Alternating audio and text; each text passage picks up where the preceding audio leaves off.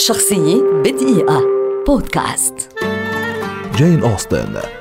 روائية إنجليزية شهيرة. تعد رواياتها من ركائز الأدب الإنجليزي.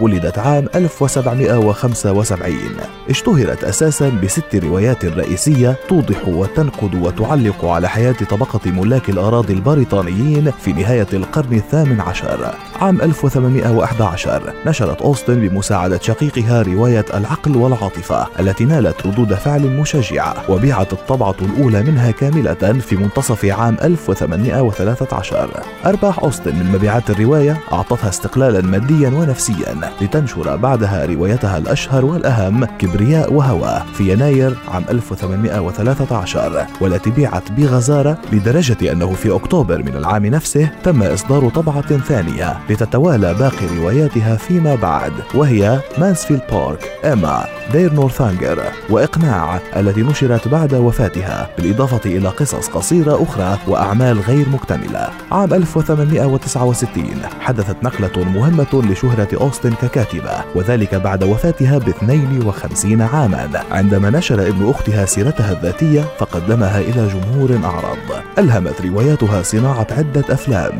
مثل فيلم كبرياء وتحامل عام 1940 وفيلم العقل والعاطفة عام 1995 وفيلم الحب والصداقة عام 2016 بعد صراع مع المرض رحلت جين أوستن عام 1817 تاركة بصمة هامة في تاريخ الأدب العالمي. شخصية بدقيقة. بودكاست.